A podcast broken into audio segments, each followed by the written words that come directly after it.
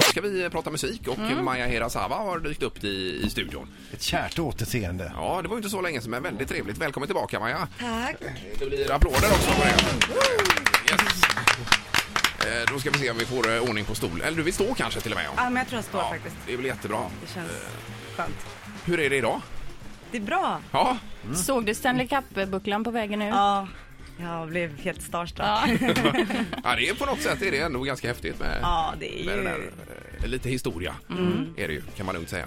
Eh, Men du spelade på Kungstorget igår här i Göteborg. Ja, Eh, Hur var det?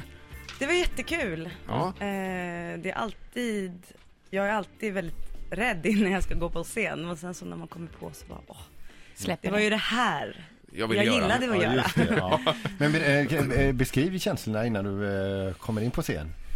Ja, men jag, jag måste alltid peppa mig själv väldigt mycket och liksom säga till mig själv att "Ja, men det här kan du. För att jag är väldigt så här, nej men vänta nu här.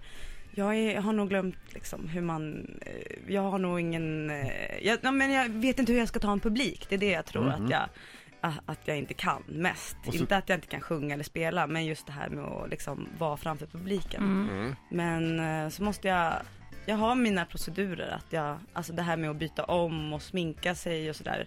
Det är mer för min egen skull proceduren att förbereda mig själv för att jag ska spela. Men hur är du emot eh, folk eh, bakom kulisserna? Så här, är du väldigt tystlåten?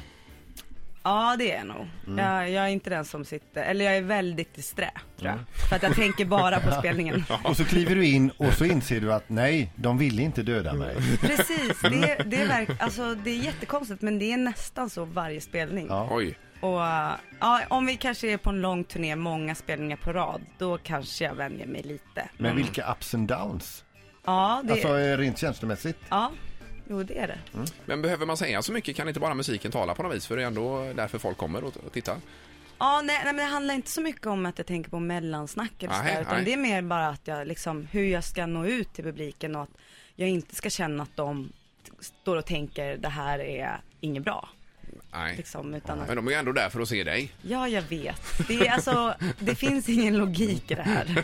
Och det är nog många som har sagt det till mig också. Ja, ja. Ja. Visst. Nej, men det, det kan man ju och, förstå. Och så nästa steg då, det är ju när du, har, när du är färdig. Vilken känsla har man i kroppen när man har eh, känner att man har, att man har fått till det och att man har nått pu- publiken, man fick bra respons. Ja, alltså först är det eufori. Och sen så fem minuter senare, då känner jag faktiskt en väldigt stor tomhet. Mm. För att man har gett så himla mycket. Man har gett allting man har. Eh, Så det är helt tomt. Så att först är det eufori, sen är det tomhet och sen kanske efter någon timme så börjar man känna sig lite glad igen. Liksom sådär. Mm. Börjar Det- plana ut. Ja, Och sen eh, kaffekaka på det och... Ett poddtips från Podplay.